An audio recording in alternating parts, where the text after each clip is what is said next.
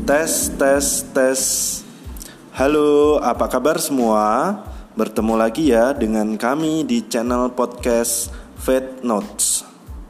Ini adalah podcast yang memperbincangkan seputar kesehatan hewan, terutama adalah hewan kesayangan. Podcast ini dapat rekan-rekan nikmati di Spotify dan di YouTube.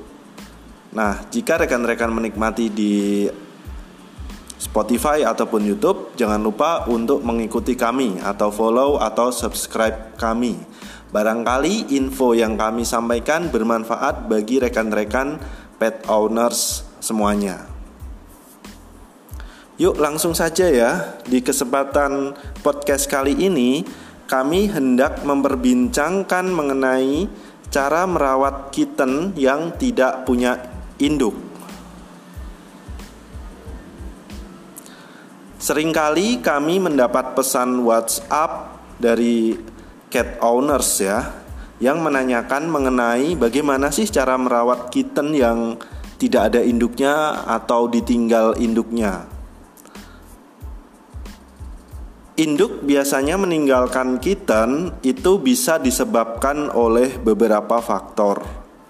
Di antaranya adalah induk induk itu induknya ada, tetapi si induk tersebut tidak mau merawat kitten. Biasanya uh, kucing yang baru pertama kali melahirkan dan bisa dibilang belum berpengalaman. Lalu faktor berikutnya adalah induknya mati karena sebab-sebab lain misalnya trauma fisik, trauma fisik karena kecelakaan ataupun kena penyakit infeksi. Dan seringnya uh, adalah para cat owners ini menemukan kitten dari kucing jalanan di sekitar tempat tinggalnya atau tempat umum lainnya, misalnya pasar. Nah, jika sudah begini, mau nggak mau si kitten tersebut harus harus dan wajib kita selamatkan. Karena jika tidak, maka kitten akan mati. Umumnya para cat owners yang menanyakan pertanyaan seperti ini, mereka menemukan kitten tanpa induk di mana perkiraan umur kitten yang ditemukan tersebut masih di bawah dua minggu. Jadi kitten tersebut masih baru saja dilahirkan, biasanya begitu. Kitten di bawah dua minggu masih sangat rentan terhadap kematian. Jika tidak mendapat asupan susu, maka mereka akan kelaparan dan mati. Lalu umur-umur segitu, uh, mereka belum bisa mempertahankan suhu tubuhnya. Sehingga jika dibiarkan di tempat terbuka akan mudah kedinginan dan atau kepanasan. Akhirnya berakibat mati atau berakibat ke kematian. Oke lanjut ya. Apabila kita mempunyai dan kebetulan harus merawat kitten yang baru lahir tanpa induk, maka langkah pertama yang wajib kita upayakan adalah menempatkan si kitten tersebut di tempat yang hangat. Tempat yang hangat sudah pasti adalah indoor atau di dalam ruangan atau di dalam rumah. Lalu setelah ditempatkan di dalam rumah, si kitten bisa ditempatkan lagi di kandang atau box yang dialasi dengan sesuatu yang hangat. Bisa handuk, bisa kain, bisa spray dan lain-lain atau perlak yang hangat. Nah, dan lebih baik lagi jika diberikan penghangat seperti lampu penghangat.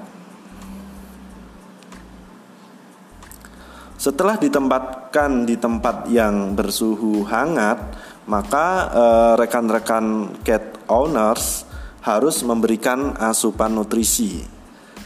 Asupan nutrisi kitten yang masih di bawah satu bulan mayoritasnya adalah susu. Sistem pencernaan kitten hanya bisa mencerna susu. Karena apa? Karena enzim laktasenya juga lagi tinggi-tingginya.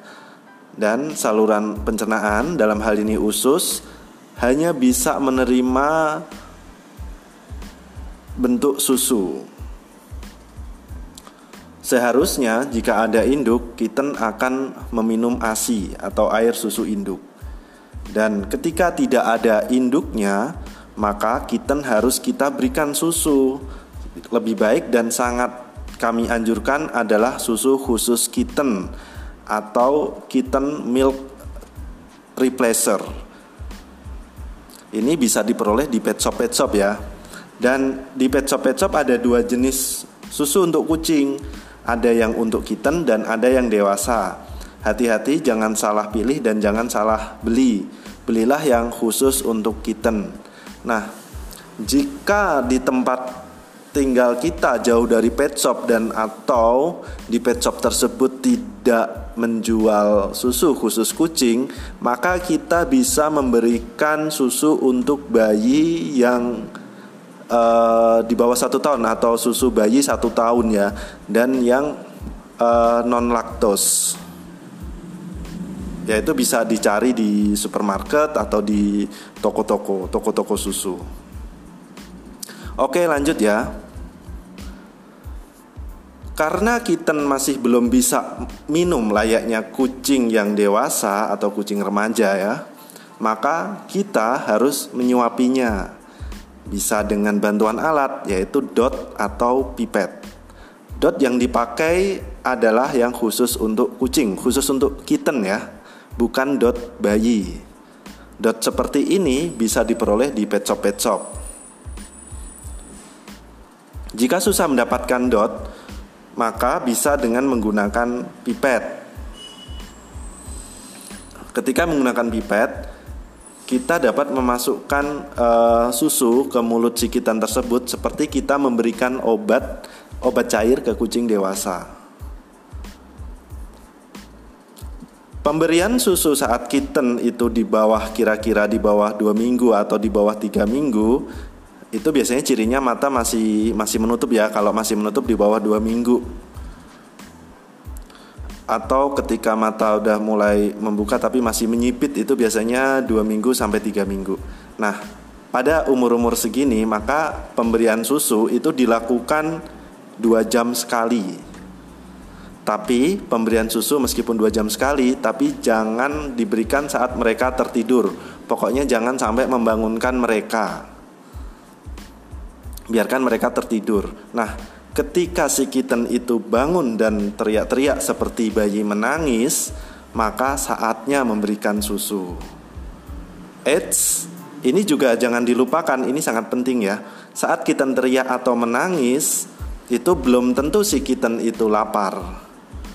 Nah, saat kitten teriak atau seperti bayi menangis, biasanya si kitten bisa juga ingin pup atau ingin kencing selain lapar ya. Nah, umur kita segitu biasanya di bawah tiga minggu, uh, tiga mingguan ya umur kita itu biasanya pipis dan pupnya itu masih dirangsang oleh jilatan si induk itu normalnya. Nah, sebelum memberikan susu ada baiknya cek dan keluarkan pipis dan pup si kitten tersebut. Caranya bagaimana? Nah, begini ya. Normalnya induk kucing akan merangsang pipis dan pup itu dengan cara menjilat-jilat area sekitar anus dan sampai perut bagian bawah atau perut bagian belakang ya sekitar area selangkangan itu selangkangan si kitten.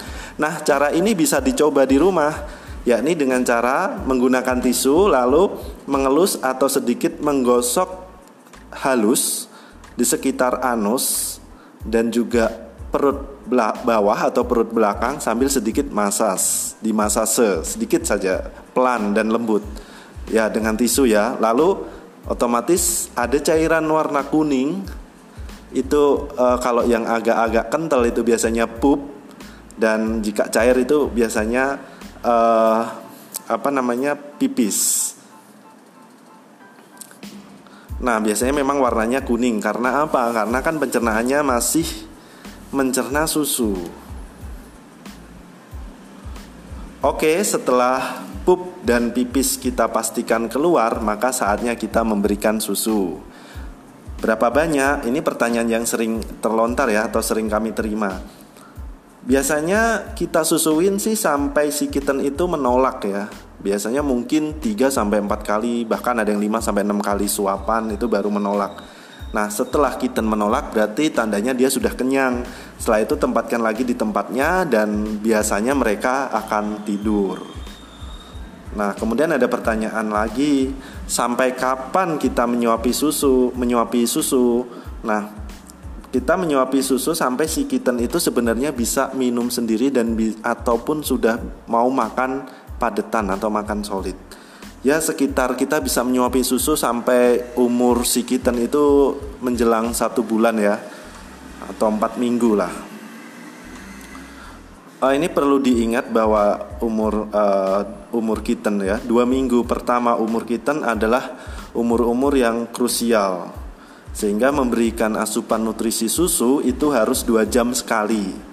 Lalu setelah kitten itu mulai matanya mulai membuka maka berarti kan sudah umur-umur tiga mingguan ya.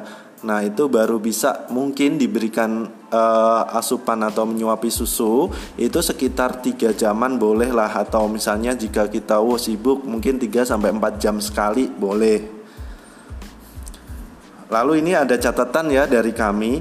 Apabila kitten terlihat menolak saat kita memberikan susu meskipun pup dan pipisnya sudah kita kurangin dan menolaknya itu tandanya seperti ini. Biasanya tidak ada pergerakan lidah menelan dan juga biasanya kitten terlihat lebih lemas. Nah, maka uh, jangan tunda lagi, segera bawa ke dokter hewan. Itu harus segera cari dokter hewan yang buka saat itu juga.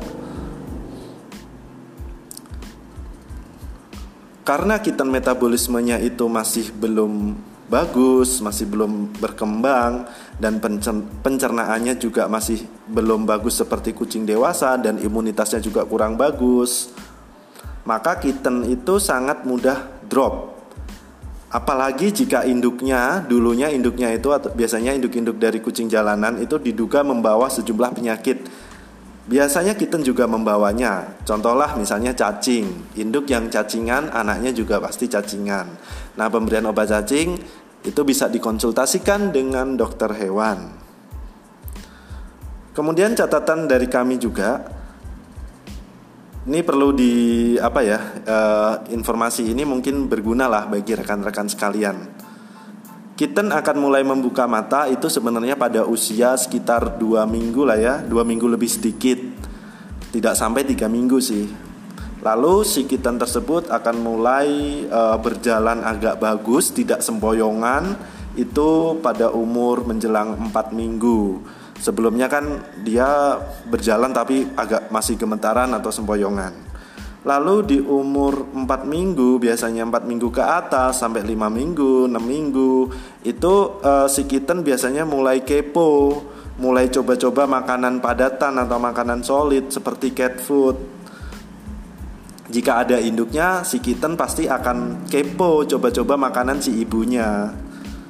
Dan di umur-umur segini, 4 minggu ke atas, berarti satu bulan ya, satu bulan sampai satu setengah bulan, itu pencernaan kitten mulai uh, berubah ya untuk dapat menerima makanan solid. Dan di umur segini, coba berikanlah cat food, cat food yang formulanya untuk kitten, jangan Jangan cat food yang dewasa. Cat food untuk kitten ini bisa dicoba wet food atau dry food. Tujuannya apa? Karena pencernaannya sudah mulai mulai beradaptasi untuk makanan padatan, enzim pecer, enzim pencerna susu yaitu laktase mulai berkurang, maka dia asupan nutrisinya sudah bergeser yaitu menuju ke makanan-makanan yang padat. Nah, ini harus dicoba dimulai atau dicoba di umur-umur 4 minggu jalan 5 minggu. Oke sekian ya podcast kali ini. Mudah-mudahan informasi ini bermanfaat dan berguna bagi rekan-rekan cat owners kalian. Dan apabila informasi ini bermanfaat maka uh, silakan share sebanyak-banyaknya. Dan ikuti kami juga untuk informasi seputar kesehatan hewan terutama hewan kesayangan. Dan Eh, siapa tahu informasi dari kami dari Fed Notes ini bermanfaat bagi rekan-rekan sekalian. Oke, nantikan podcast kami berikutnya dan uh, terima kasih atas perhatiannya dan sampai jumpa di kesempatan lain.